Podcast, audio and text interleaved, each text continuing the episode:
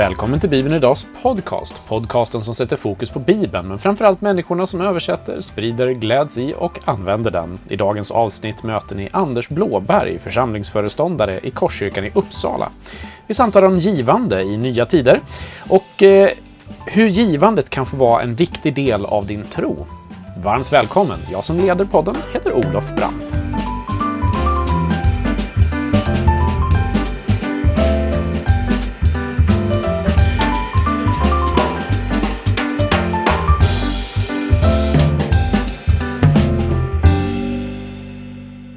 Idags podcast och idag så har jag klivit in på grannens kontor. Eh, I min tjänst i Korskyrkan i Uppsala så sitter Anders Blåberg i rummet intill. Hej! Hej! Välkommen till podden. Tack för det. Det var ingen lång resa du gjorde. Nej, det var ingen lång resa och eh, vi har ju suttit i varandras kontor förut. Eh, Anders Blåberg, för den som inte känner dig, vem är du? Nu då är jag pastor i Korskyrkan här i Uppsala sedan ett halvår tillbaka, lite drygt. Eh, så jag är väl i grund och botten pastor, för det har jag varit i 23 och ett halvt år nu. Men jag har gjort lite andra grejer emellan också. Eh, jag jobbade i Evangeliska Frikyrkan i åtta år som missionsdirektor. Och sen var jag på Svenska Bibelsällskapet, mm. som då är en ekumenisk organisation kan man säga. I princip alla kyrkorna i Sverige står bakom den och var, ja, det hette generalsekreterare under fem år. Precis, och vi, du har ju varit med i podden förut. Eh, och det var ett tag sedan. Det var ett tag sedan nu, mm. precis. Och så var det, nu har du bytt roll och eh, vi ska ha ett nytt ämne. Idag ska vi prata om gåvogivande och eh, hur vi tänker om det då. Mm. Dels då utifrån din församling och sådär. Men innan vi hoppar dit eh, tänkte jag skulle fråga dig. Du har varit på nationell nivå då i många år nu. Först som ledare för EFK och sen som ledare för Bibelsällskapet. Vad var det som drog dig tillbaka till pastorstjänst i en lokal församling? Mm. Alltså, jag trodde nog från början att jag skulle bli pastor tills de bär ut mig. eh, okay. Ungefär så. För jag kände mig väldigt trygg och tillfreds med den uppgiften. Har aldrig längtat bort egentligen. Trött i tjänsten men aldrig trött på tjänsten. Eh, så att när jag då gick in i en slags nationell, eller ja, delvis internationell tjänst också, så tänkte jag nog att det här gör jag ett period. Sen går jag tillbaka mm. till att bli, okay. bli eh, församlingsledare igen, som jag har varit då mestadels av min tid. Så att det var egentligen inte så o, vad ska jag, annorlunda. Men det som var annorlunda kanske var att jag ändå trivdes i de här andra rollerna också. Mm. Utan alltid har det nog varit så att jag känner att församlings, lokala församlingen har varit min naturliga spelplan. Ja. Eh, och eh, det har yttrat sig på så sätt att jag tycker att mina gåvor kommer väl till pass. Jag är lite bred sådär, generalist kanske man ska kalla mig. Och i en församling så finns det en, en uppsjö av olika utmaningar. ja, just det. Eh, och då menar inte jag att jag ska försöka uppfylla alla dem, för det klarar ingen person givetvis. Men ändå att jag får jobba hyfsat brett. Mm. Jag känner att jag går kanske på fler cylindrar då när jag är i församlingen och jobbar i en lokal församling som jag gör nu. Vad är favoritsysselsättningen som pastor? Det är en kombination faktiskt. Det är inte bara en sak. Och det kanske, om man tittar lite i backspegeln så ser man att jag har gjort flera olika saker. Eh, det är en kombination av att få predika tycker jag är väldigt roligt. Mm. Eh, att jobba med ledarskap, att utveckla saker. Och att också föra människor över gränsen, alltså från det att man inte är en kristen, inte är en Jesu efterföljare, till att man blir en kristen och går de första stegen. Där har jag ett litet eh, ett område som jag eh, känner djup tillfredsställelse i och mm. tycker att det är så roligt att göra det. Men som sagt det är mixen tror jag som eh, skänker mig mest glädje och tillfredsställelse. Vad är Korskyrkan i Uppsala för församling? Ja, den tillhör ju Evangeliska Frikyrkan. Eh, det säger ju inte allt, för Nej. man kan vara väldigt olika beroende på vilken plats det är. Vi är en ganska mångkulturell församling. Det mm. ser man ju när man tittar ut på den gudstjänstfirande gemenskapen då. Definitivt. Kanske inte när man tittar lika mycket i ledarskapet. Det skulle bli mer eh, mångfacetterat.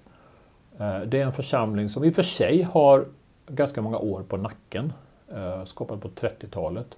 Men då som nog eh, har blivit eh, en hyfsat stor församling de sista tio åren kan man säga. Mm.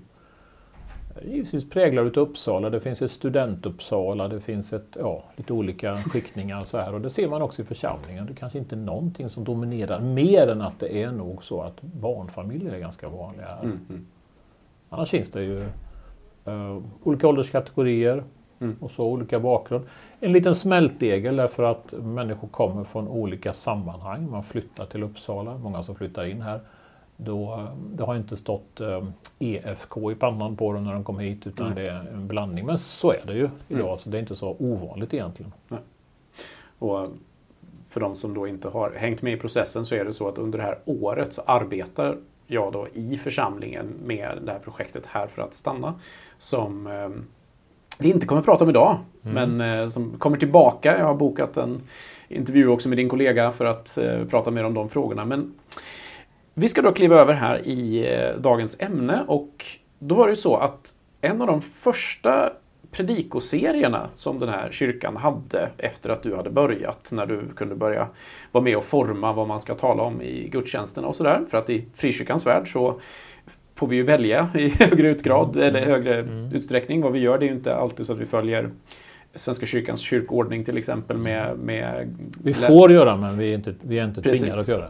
Mm. Eh, utan det är kanske vanligare då med predikoserier. Och ett av de ämnena som du då valde att eh, ta fram, antar jag, tillsammans med de andra pastorerna mm. här, är, var givande. Mm. Hur kom det sig att ni ville prata om det i, i mm. gudstjänsterna, i predikan? Mm.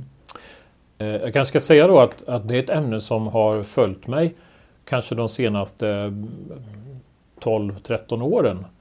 Eh, och det var nog eh, kanske under den tiden som jag jobbade som missionsdirektor. Eh, då, då detta, det var givet då eftersom jag på något vis hade ett ansvar i, eh, i som missionsrörelse då att eh, det är klart att pengarna måste komma in. Mm. Oh. och det gjorde att jag, då var jag inte lokal pastor, att jag kanske blev lite frimodigare att okay. tala om detta med pengar och offrande. Ibland så jag kan märka hos mina kollegor att det kan finnas en viss tveksamhet att utmana ibland och kanske att Känslan, nu talar jag egen sak. En del av det som ska komma in handlar om min lön. Ja, just det. Och det kan tysta en del, eller mm. göra att man blir lite försiktigare.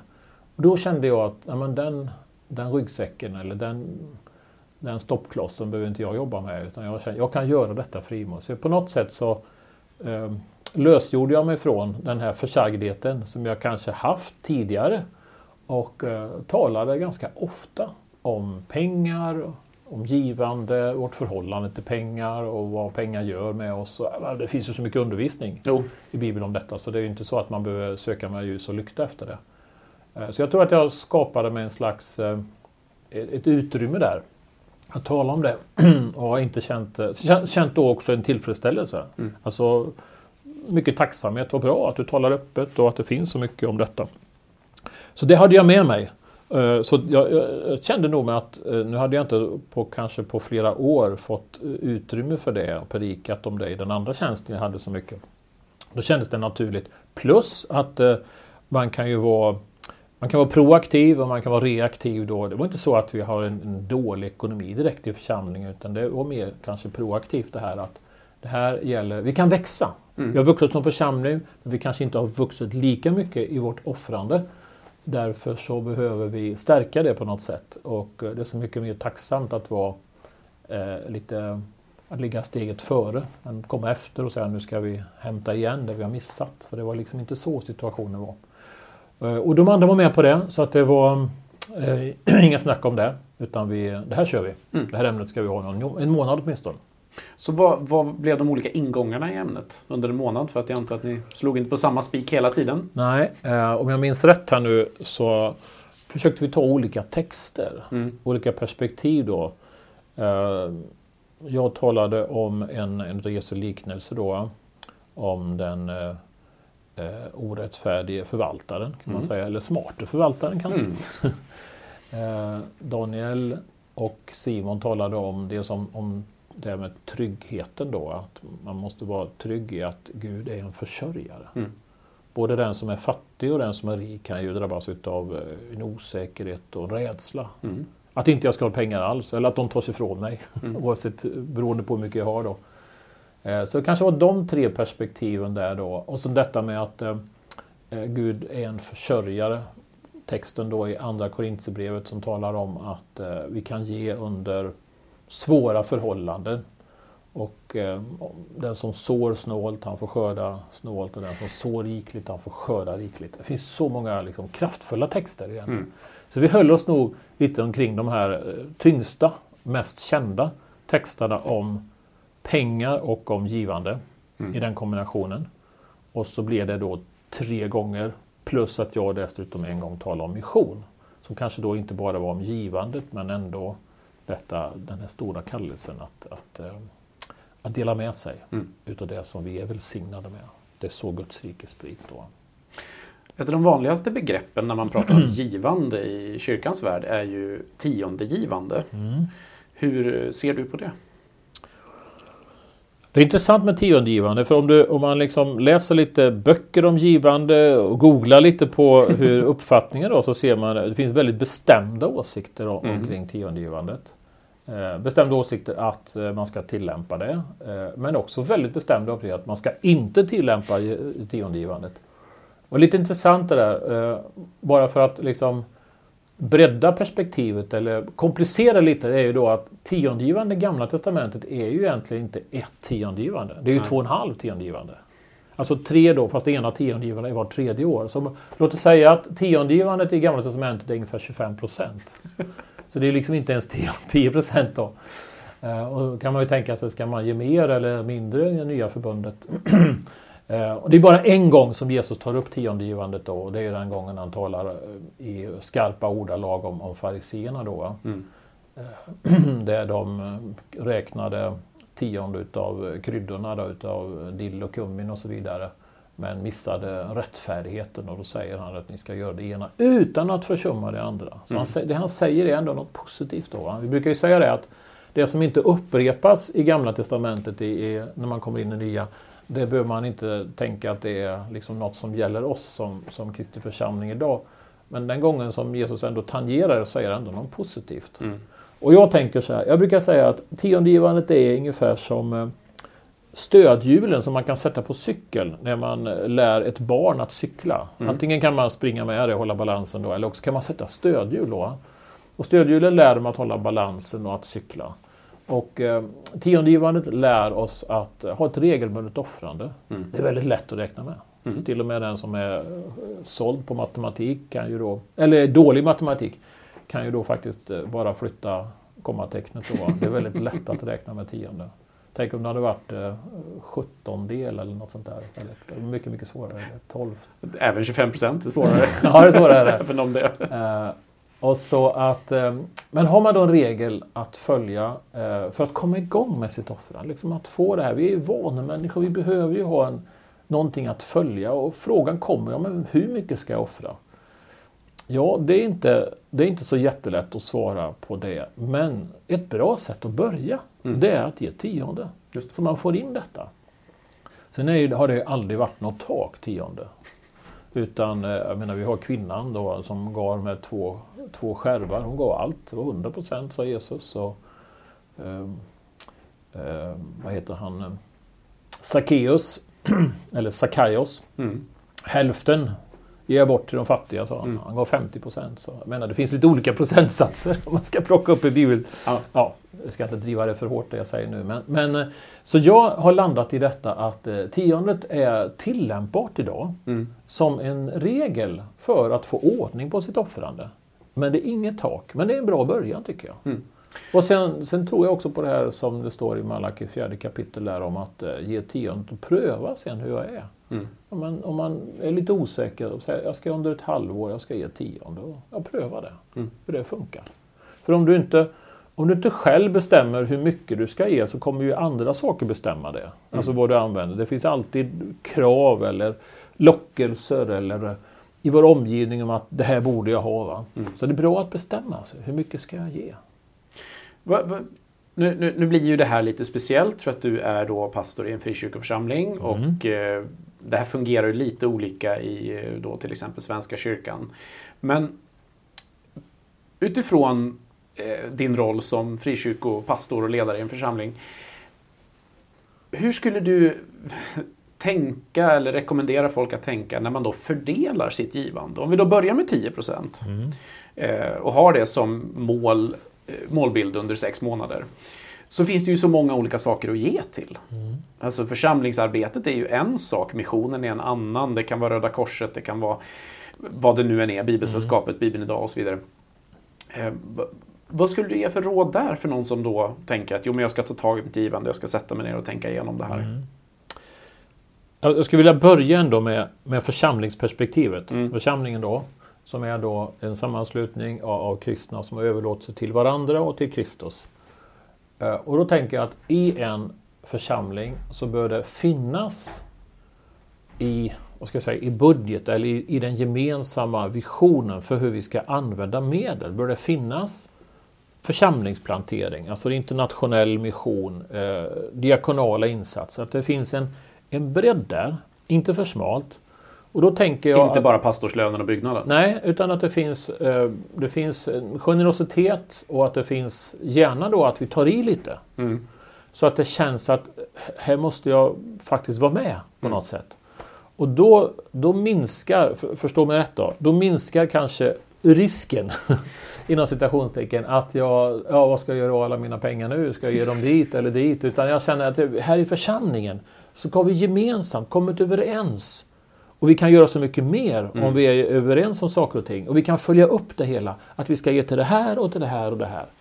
Och då, så jag tänker att egentligen borde man kanske kunna kanalisera det, om inte allt, absolut det, det mesta mm. av sitt givande genom församlingen. För där finns hela bredden. Mm. Så jag inte behöver känna att ja, men de ger ju ingenting till bibelöversättning eller till diakoni i, i uh, Mosambik som jag känner så för. Va? Nej, vi kan inte ge överallt, kan mm. vi inte göra. men vi kanske känner ändå att det finns en bredd mm. i det jag ger till. Va? Så det, det, om, om man sköter det rätt, då blir den andra biten, de andra frågorna lättare att hantera. För jag menar ändå att man ska först och främst ska man ge till det egna sammanhanget, den lokala församlingen. Då, mm. Och sen då kan man ge mer, för jag menar jag tror inte att eh, om det, om det är nog en riktlinje då, att ge tionde så, så de flesta kan ju ge mycket mer än mm. tionde. Mm. Så är det ju. Vi lever ju i ett sånt uh, rikt land. Jag har roat mig med att också när jag talar om givande att faktiskt beskriva med några ord ändå utvecklingen i vårt land. Hur mm -hmm. löneutveckling, alltså vår, hur, hur pass förmögna eller hur pass eh, gynnade vi faktiskt är då. Om mm. man ser ifrån 70-talet och fram till nu då under en 30-40 års perspektiv så ser man ju då att eh, vi har faktiskt berikat oss, alltså generellt sett om man mm. tittar, um, individer kan ju ha det svårt med ekonomin, men generellt sett så har vi levt i ett, ett överflöd och vi, vi har mer och mer tillgångar. Vi kan, man ser att det som är livets nödtorft, alltså maten, eh, tak över huvudet, eh, resor som man behöver göra i jobbet och så vidare. Den delen, av den procenten som, som eh, utav vår inkomst som går till det, det minskar. Mm. Och det som kallas vår fritid till exempel, mm. den har ökat allra mest.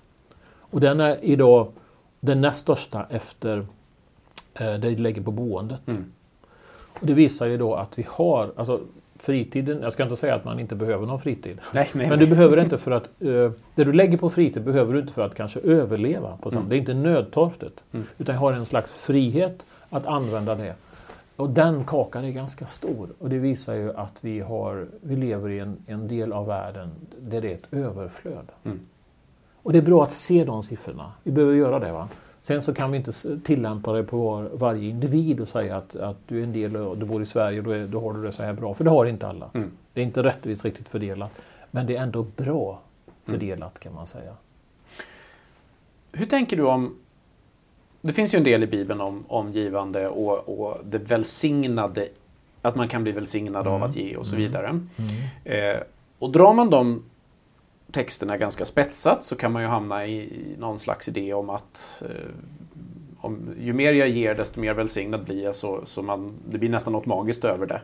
Eh, och det finns en, jag kommer inte ens ihåg begreppet just nu, det flaxade iväg från mitt huvud, men när man nästan gör en kalkylering att så här mycket räknar jag med att få tillbaka till Gud för nu investerar jag 10 000 här i ett givande så nu ska jag få tillbaka allt, mm. allt det. Och om jag ger bort min bil så får jag en finare bil och, och en slags förväntan på det där. Hur, hur, balanserar du den undervisningen när du tänker kring det här? För det finns ju onekligen löften om välsignelse mm. i givandet. Mm. Och samtidigt finns det kanske inte så starka löften som man ibland kan, mm. kan höra. Mm. Eller så tydliga löften kanske jag ska säga på det sättet. Om man gör ett sånt kalkylerad, ger, för att få tillbaka. Det är ju, jag skulle nog kalla det för själviskhet. Och kallade Paulus för själviskheten. Denna avgudadyrkan, sa han. Mm. Alltså han var jätteskarp där. Eh, nästan som han studsade till då. Så det är klart att den dörren eh, borde vara stängd för oss. En, en sån typ av själviskhet. Då. Eh, det är intressant att det talas om, om givande som något positivt, någonting med glädje, någonting jag gör för att jag vill hjälpa, för att Guds rike ska komma. Faktiskt för att jag ärar Gud med det. Mm. Mm. Alltså inte för att jag ska få ihop min budget i första hand eller min, min vardagsekonomi, för det är också ett uttryck för att jag, jag tror på Gud. Jag tror att det är han som egentligen äger allting och, och som ett tecken på det ger jag utav det som jag har fått då. För det är ju så att vi, vi får ingenting ta med oss. Alltså det, döden är ju väldigt eh, demokratisk egentligen. Mm. Ja. det liksom nollas för ja. oss allihopa. Det är som att mycket nollas också. Eh, så därför så, om man, om man, plockar in de perspektiven då att, att offrandet eller givandet är ett sätt att ära Gud. Att eh, se att jag, jag, kan ge med hjärtat. Alltså jag, jag, det är någonting jag jag känner för utifrån min, min kärlek till Guds rike, till eh, Guds församling. Den ska breda ut sig att fler ska lära känna Kristus. Då, eh, då håller det eh, det här eh, vad ska vi säga, själviskhetens monster i schack. Då, mm. Det finns ju också en sida av pengar som man nog ska... Som också, den, den här sidan som du sa då om att vi har löfte om att vi ska få tillbaka. Den andra sidan som är lite svårare att hantera det är ju detta att pengarna ändå har en, kan utöva en makt på oss så att mm. vi blir förblindade. Alltså kärleken till pengar är roten till allt ont, skriver ju Paulus då. Så det, det är någonting som vi måste mota där. Va? Mm. Alltså vi, vi säger att pengarna är neutrala. Ja, det stämmer på ett sätt att de är det. Alltså därför att pengar kan... Det, det, man kan göra väldigt mycket gott med pengar då. Mm. Men det är när vi, det som någon har sagt här, när vi tror att vi äger pengarna så börjar pengarna äga oss. Mm. Jag, tror att det ligger någonting i det. Va?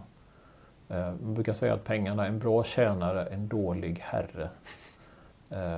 Och det är också ett bra uttryck, därför att då förstår vi att det är, kan bli en makt som mm. styr oss.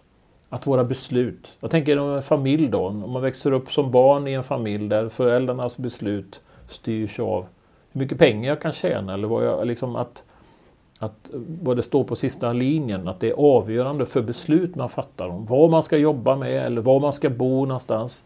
Om det blir eh, en sån jakt efter det goda så att säga, så kan man ju fundera på vem är det som är herre, vem är det som mm, mm. styr i det sammanhanget.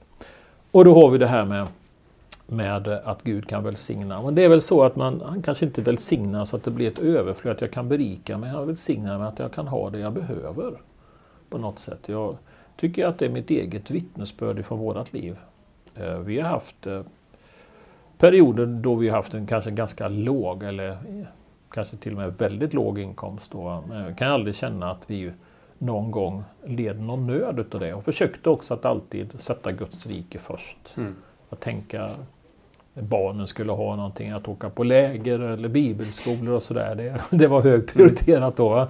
Det skulle man inte snåla. Och på något sätt kändes det som att det var en, en, en god investering, att man har sett att det har, har gett resultat. Mm, då. Mm. Kanske inte då att man har berikats, men vi har, vad vi behöver och mm. i överflöd. Mm.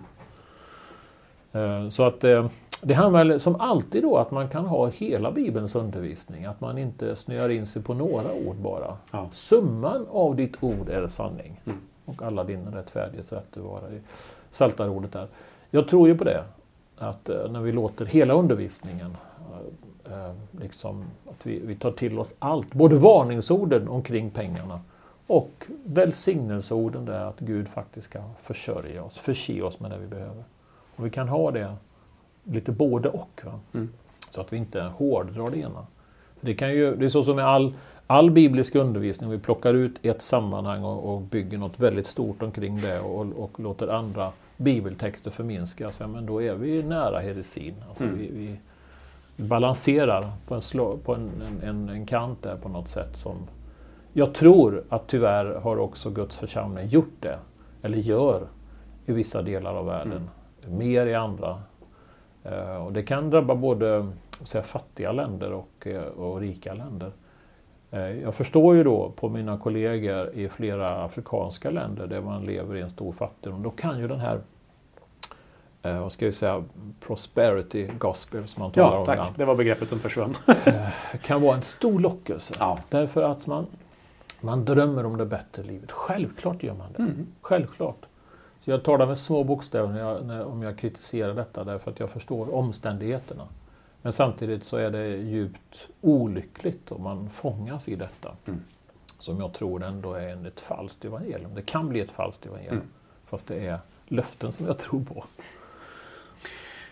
Du eh, nämnde dina barn där kort. De är ju utflugna nu. Men ja. Har ni haft någon, någon tanke i familjen hur ni ska lära ut det här med givande? För det kan ju vara en, en lite snårig sak att prata med sina mm. barn om. Mm. Har ni haft någonting ni har gjort för att hjälpa dem att få, få syn på det här, hur ni tänker om givande? Mm. Den där principen som eh, jag nämnde här då att vi, församlingen ska ha sitt och vi försökte hålla en princip att kanske tiondegivande i första hand. Och den känner de till och mm. att, de, att det fanns vissa saker som vi var generösa med mm. och andra saker vi var snålare med. Då. Eh, lite intressant, bara som en lite kuriosa här. Eh, den sista då i våran, vi har ju fyra barn då, han, han född långt efter de andra då, så han har kanske haft det lite bättre. Han har varit ensam herre på täppan, inte så många att konkurrera med om pengarna. Då frågade vi de andra barnen då, tycker ni att det är orättvist? Okay. Att lillebror nu liksom får lite mer grejer kanske än ni fick? Då sa de så här att Nej, det tycker vi inte. Nu är det ju, ni sa alltid så här att hade vi haft mer pengar så skulle ni, vi ha fått mer saker. Och nu är det ju upp till bevis då. Att ni verkligen menade någonting. Det var lite kul att de sa så. Så de blev i alla fall inte skadade utav det utan de, var, de kände på något vis att, att det var förtroendeingivande. Det, sagt. Mm. det tyckte vi var väldigt roligt mm. som föräldrar då. För man, man vet ju aldrig hur de, hur de egentligen reagerar. Men när man är förälder och man har översikt och man har en makt som förälder. Ja. Då, vad tänker de egentligen? Gillar de detta eller mm. inte? Så det är lite roligt att fråga dem när de kommer bli vuxen ålder och man tror i alla fall att de kommer säga som det var eller sanningen, vilket jag tror att de gjorde. Mm. Så att eh, ja, jag tror att man ska som förälder faktiskt dra in sina barn på rätt nivå. Mm. Eh, I beslut som har med familjen att göra. Mm. Eh, och beslut kan ju handla om pengar faktiskt mm. då inte de största besluten man tar i livet med pengar, det är ju när man ska köpa bostad och sånt där. Man kommer ju inte i närheten av det när man handlar på ICA. Nej, man ska nej. köpa ett hus. Det är ju, eller vad det nu är för något, en lägenhet. Och, och sådana beslut och, och, även det här då hur man disponerar sin inkomst och vad man ska göra med dem eller inte göra med dem. Det, jag tror att det är, det är bra att ha ett samtal med barnen. Mm. Beroende på hur gamla de är då, mm. hur det samtalet tar gestaltar sig. Vi gjorde så en, det har vi gjort ett par gånger tror jag nu, att vid, vid jul så har vi satt oss ner och så har vi sagt att ja, nu ska vi fördela lite extra eh, här och vi vill att ni är med i, mm. i den. Så är det någonting ni tänker på som ni vill att vi som familj ska mm. ge till. Okay. Eh, och det har varit en väldigt intressant diskussion mm. för att det är inte alltid det dyker upp det mest självklara. eh, jag vet när det var som mest tal om Syrien så var ju Syrien en del då som de absolut ja. ville. Men då hade de pratat i skolan om förföljda kristna. Så då var det någonting som låg högt upp mm. i deras medvetande mm. just då. Mm. Och det var, kommer inte ihåg vad det var mer just det året. Men, så vi, vi tog då en, en regelrätt pengahög och fördelade enligt barnens önskemål då. Okay. Eh, och det var... Ja, men jag, jag tror att det... Mm. Dels så vi säger ju någonting om, om idén om givande men också i, i, eh, i, i, i deras så här, åh, vi får vara med och bestämma mm. om, om pengarna också. Mm. Man har ju chans också att ge en, en viss motbild då, eftersom det mediala fokus oftast är på en stor katastrof no. och en katastrof som är lättillgänglig. Mm. Alltså man kan rapportera därifrån, det finns bilder och finns filmer mm. och så vidare. Men det är inte säkert att behoven är störst där. Det kan, vara, det kan finnas katastrofer eller sammanhang som inte uppmärksammas. Mm. Och då kan vi som, som församling mm. Eh, och som, som familjer också ge andra bilder. Vi har andra kontakter och, mm. Som då inte bara speglar vad som händer i media. Mm. Det tycker jag är viktigt också. För det, det, om ni bara ska säga, ge utifrån mediauppmärksamhet så, så blir det inte rättvist. Jag tror Nej. inte att det blir rätt alltid ens. Nej. Nej, det brottas ju många insamlingsorganisationer med att man kanske får in jättemycket på vissa projekt men man har inte utlopp för så mycket pengar mm. så då får man det lär fortfarande finnas pengar ackumulerat efter tsunamin. Ja. Samlades in då som man inte kan ge, använda idag. Nej. Öronmärkta. Ja, liksom. Mm. Bara för att ta ett sånt exempel. Ja, precis.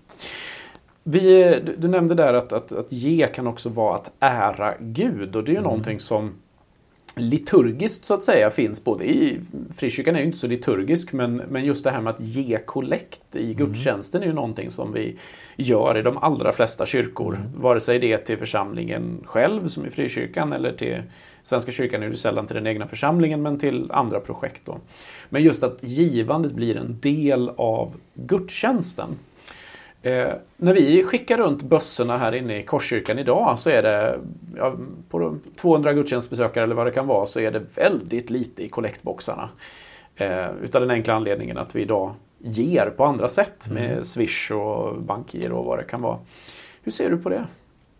Jag ser att vi är en, en slags eh, mellanperiod här då vi går från ett paradigm till ett annat. Alltså, vi är nästan i det kontantlösa samhället, men vi är inte där än. Nej. Men vi är på väg mot det och för eh, enskilda personer så är man definitivt där. Mm. Och jag tillhör dem här att jag, jag, har ju nästan aldrig kontanter på mig. Jag har inte haft det på, på fyra år kan man säga, då jag liksom slutade med det. Så jag swishar ju och så. Och då, då blir den här handlingen inte lika självklar att jag kan liksom, jag lämnar ifrån mig någonting i kollektboxen. Du, mm. Bössan är ju boxen alltså. Det, ja. jag på. det var mm. inga gevär du Nej. tänkte Nej, just det. Bara de, har vi lämnat till, de har vi lämnat till vapenhuset. Ja, det. det. är ju vapenvägare en del av oss också. Eh, men ehm, så jag tycker att det är ett litet bekymmer. Ja. Jag ska inte säga att det är stort där, men ett litet bekymmer. Och i början så kände jag sådär att jag vill nästan vifta med telefonen lite så här till kollegor. Hallå, jag har swishat. Jag är en god kristen ja. gudstjänstdeltagare. Eh, nu har jag vant mig vid det och, och, och, det är ju så. Och jag vet ju att när det är sämre i, med kontanter i kollektboxen så behöver inte det betyda att det är en sämre insamling. Nej. Det är bara att den kommer en annan väg. Va? Men vi är i ett, eh, ett mellanskikt där vi gör både och. Då vi fortsätter. Vi kan inte bara säga att vi, vi slutar att använda kontanter. Men vi kommer nog inom något år ändå att eh, ha ändrat lite vår insamlingsliturgi eh, mm. i det fallet. Så att vi... Ett tag har man funderat på, skulle man skriva på en lapp hur mycket man Swisha. swishade då, mm. så man fick ihop det ändå? Eh, ja, kanske man kan göra, mm. men det, det, gör man nog inte i all evighet. Mm. Utan det är också en sån där övergångslösning. Man kan ju behöva göra en stor insamling under tillfälle. Och då säger vi gör ett insamlingsevent. Den här gudstjänsten så ska vi samla in multum. Alltså vi ska mm. samla in mycket pengar. Och då vill man ju ha ett snabbt resultat mm. man kan läsa av. Det kan man göra med Swish ganska mm. snabbt också idag, så det är inte omöjligt då. Eh, man måste ändå hitta former för det och mm. jag tror att som församlingar så söker vi just nu efter en bra form för att behålla detta momentet utav tillbedjan mm. i, i gudstjänsten. Så att det inte eh, blir liksom så att nu, nu, betalar jag för maten ungefär. Mm. som man gör på restaurang. Utan det, det är mer än så. Alltså det är någonting jag gör inför Gud och till Gud och mm. hans ära. Det tycker jag är viktigt att vi får behålla på något Sen, sen vet jag att de allra flesta eh, ger ju månatligt. Mm. Man betalar sina räkningar, då betalar man Gud också. Precis, verkligen. eh, och eh, antingen med en autogiro eller att man, man skickar in den där summan då mm. eh, genom internetbanken. Det är nog kanske det vanligaste. Mm. Där kommer det ungefär, jag tror 70 procent av inkomsten mm. kommer den vägen. Och det är det nog ganska generellt i många församlingar att det är mm. så. Mm. Och det är lätt att hantera också. Kontanthanteringen är ju inte gratis. Nej, precis. Nej. Nej, det ser vi ju mer och mer att bankerna vill inte ha kontanter Nej. så att det börjar bli väldigt dyrt att hantera kontanter. Det är lite krångligt idag, ja. Så så är det. Eh, på tal om det så står väl vår kollega här någonstans och trycker pengar just nu för att eh, vi... Eh, det är sådär man inte ska säga i en podd kanske, man spelar in det. Nej, vi, vi håller nämligen på och diskuterar för att vi har sett att det finns ett annat område här i församlingen och det är barnens gudstjänster då, som kallas kompisklubben här. Där eh, det tidigare har varit så att man har kunnat lämna in pengar till något projekt, ett mm. fadderbarn. Och eh, barnen har haft med sig en femma, en tia, några kronor eller sådär som de har mm. fått av sina föräldrar. Och det finns ju knappt idag att man har mm. några kronor med sig.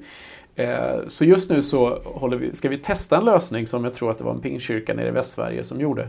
Där eh, man då kan swisha in och köpa låtsaspengar som man kan skicka med mm, barnen. Mm. Så man får ett, ett är det bitcoin eller är det euro eller är det kronor? Eller ja, man swishar väl in då i någon slags... Jag ska se vad han har tryckt för pengar här sen. Ja, bitcoin är ju elektroniska så ja, det kan ju inte tryckas ut. Det, det, det, det kan säkert skrivas ut det ja. också.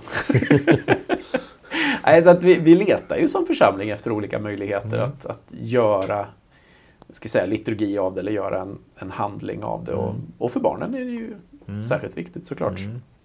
Men du tror att det är bara för barnen då? Du tror inte att vi ska göra det för... För församlingen? Ja. Nej, jag har inte hört att han tänker det kanske funkar bra för barnen och kanske det kommer där också. Det kan ju vara någon bankanställd som känner en viss tveksamhet möjligtvis. vi ska se hur realistiskt han gör dem. Vi... Om man tittar på biblisk undervisning om givande och när du pratar med människor, vad skulle du säga är bland det mest missförstådda i den kristna synen på pengar? Vad är ett vanligt missförstånd som återkommer eller ett problem som människor har med hur, kristna, hur de tror att kristna ser på pengar? Mm. Um, ett svar skulle jag vilja säga är då att vi ibland uh, har svårt att förstå och förhålla oss till de som har mycket pengar. Mm. Alltså, en kristen har, har väldigt gott ställt och mycket pengar. Uh, vi har haft lite svårt att uh, utmana dem. Mm. Eh, vi kanske känner oss lite förlägna och tycker att, eh, eh, att det är ett problem mm. i sig. Vilket det kan ju vara i och för sig då. Ja. Men, men låt oss säga att det är någon som har lyckats ha ett företag och, och ja, tjänar mycket pengar. Då, då har vi haft svårt att förhålla oss till det. Mm. För jag tror att den som har då mycket pengar också behöver bli utmanad att använda det. Att det är liksom det är en välsignelse då och bör, kan, kan ju faktiskt göra mer än andra. Mm. Men behöver en utmaning på rätt nivå. Mm. Kanske för att uh, vara med och, och, bidra med. Och där tror jag att vi har haft lite svårt att hantera. Mm. De, åtminstone i vår kultur i, i Sverige, upplever jag. Och jag tror att kollegor som jag har har också känt det lite svårt att förhålla sig till detta. Mm. Då. Hur ska jag ska jag säga något, blir han förnärmad om jag utmanar honom, kanske personligt, och säga så här, eller henne, eh, vill du vara med och ge till det här? Jag vet mm. att du har en del möjligheter, skulle du kunna vara med och ge något extra till det här till mm. exempel? Eh, jag tror inte att det är fel att göra det. Alltså, man ska givetvis vara försiktig och tänka sig för, men att man utmanar på rätt sätt den som har mycket medel. Och det tror jag är en, en, mm. en svårighet eller någonting mm. i alla fall som jag brottas lite med. Sen, eh, du har ju nämnt de här sakerna då, om det där med välsignelsen eller om det är ett problem med pengar. Ja, ja. Ehm, det är två diken. det är två diken där ja. ja. Eh, och ibland har vi ju sett som att, att fattigdom i sig skulle vara ett tecken på fromhet. Då, ehm, det har ju svårt att se, men däremot förnöjsamhet. Ja. Förnöjsamhet är ett, ett bra ord och det är svårt eh, med förnöjsamheten. Alltså vad betyder det att vara förnöjsam och vilken nivå ska jag vara förnöjsam? Vem ska jag jämföra mig med ja. i min förnöjsamhet? Ehm, ja. Det är ett svårt område också. Ehm, och sen finns det ju bibelställen som vi har, ehm, vad ska vi säga, missbrukat då. Alltså, pengar är roten till allt ont, mm. till exempel säger man då, fast det inte står där. Mm. Eller är det Woody Allen som har sagt bristen på pengar är roten till allt ont? På tal om nästan bibelcitat. ja, just det. Det finns sådana roliga saker. Um, jag kommer inte på någonting mm, mm. direkt med nu som skulle vara ett, uh, ett missförstånd. Men möjligtvis då att vi är lite generade att tala om pengar ibland. Mm. Alltså, det kan du höra i ett kollekttal eller säga ja, nu ska vi ta upp en liten kollekt och ni vet ju att det finns ju omkostnader och tyvärr måste och så vidare. Så att man förlåt, nästan, förlåt, förlåt för att jag ber om pengar. Man ber nästan om ursäkt ja, ja, ja. för att man säger att nu ska vi samla in då. Det tycker jag är ett missgrepp. Mm.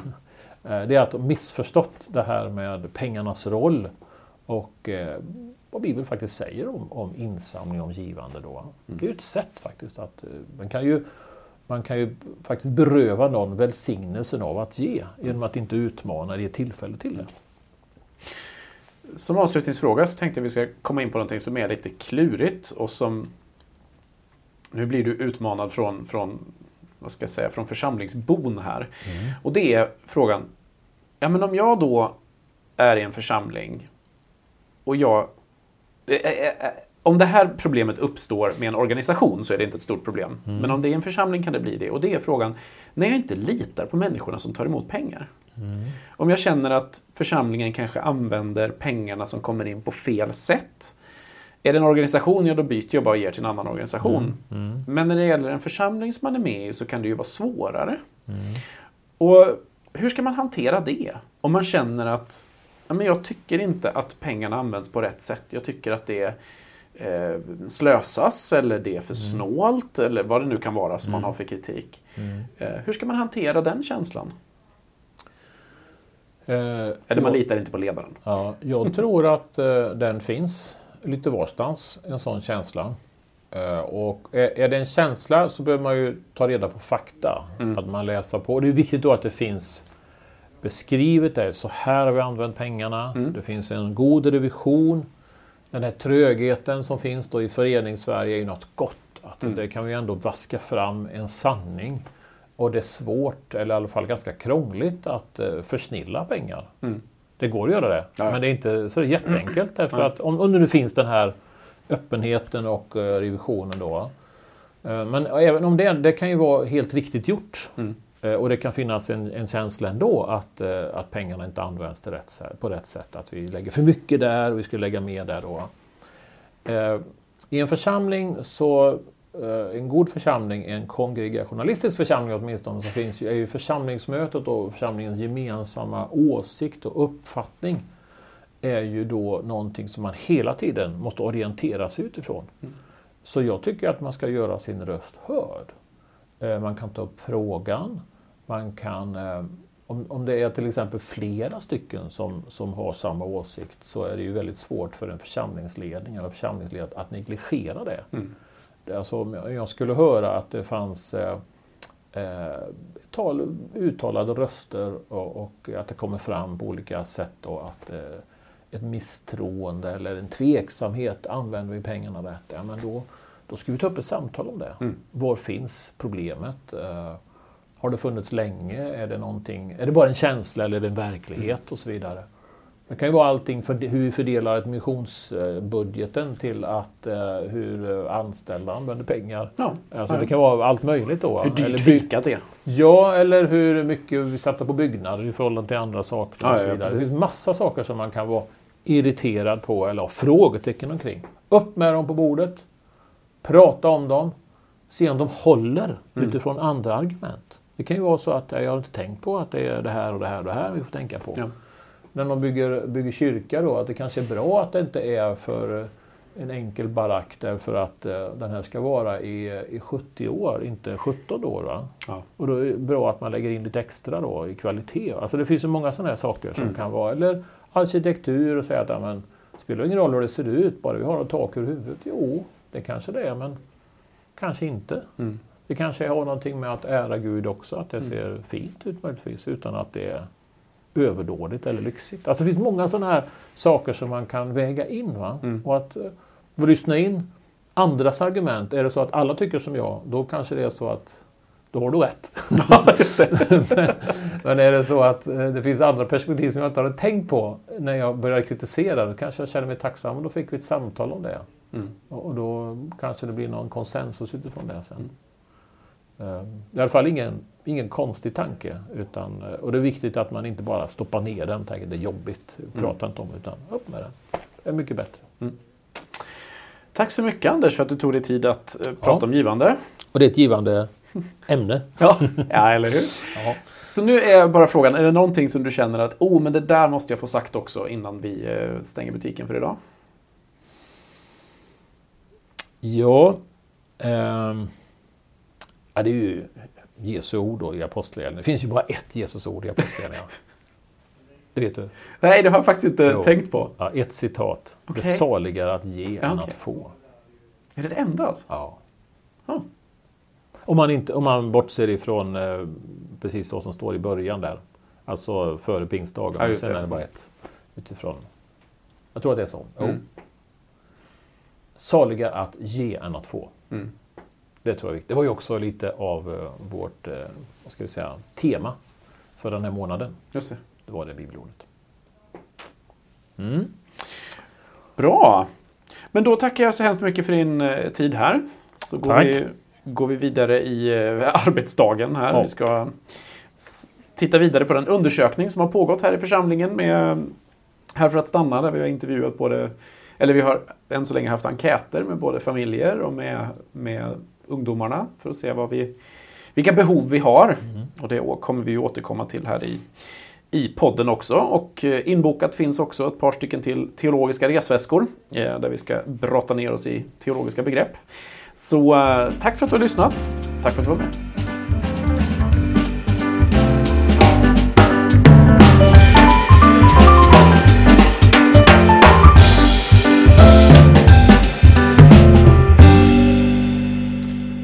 Den här podden drivs av Bibeln idag och vi är en ideell ekumenisk organisation som är helt beroende av gåvor för att driva vårt arbete. Du kan läsa mer om vad vi gör förutom den här podden på bibelnidag.org. Vill du vara med och hjälpa oss att hjälpa enskilda och församlingar med att komma närmare Bibeln genom projekt som den här podden så kan du göra det genom att ge en gåva. Enklast kanske via Swish 12345 24187 Alltså 12345 24187 eller så finns det såklart massor med andra sätt att stödja podden. Men tack för att du lyssnar och tack för att du vill vara med. Tillsammans så når vi längre.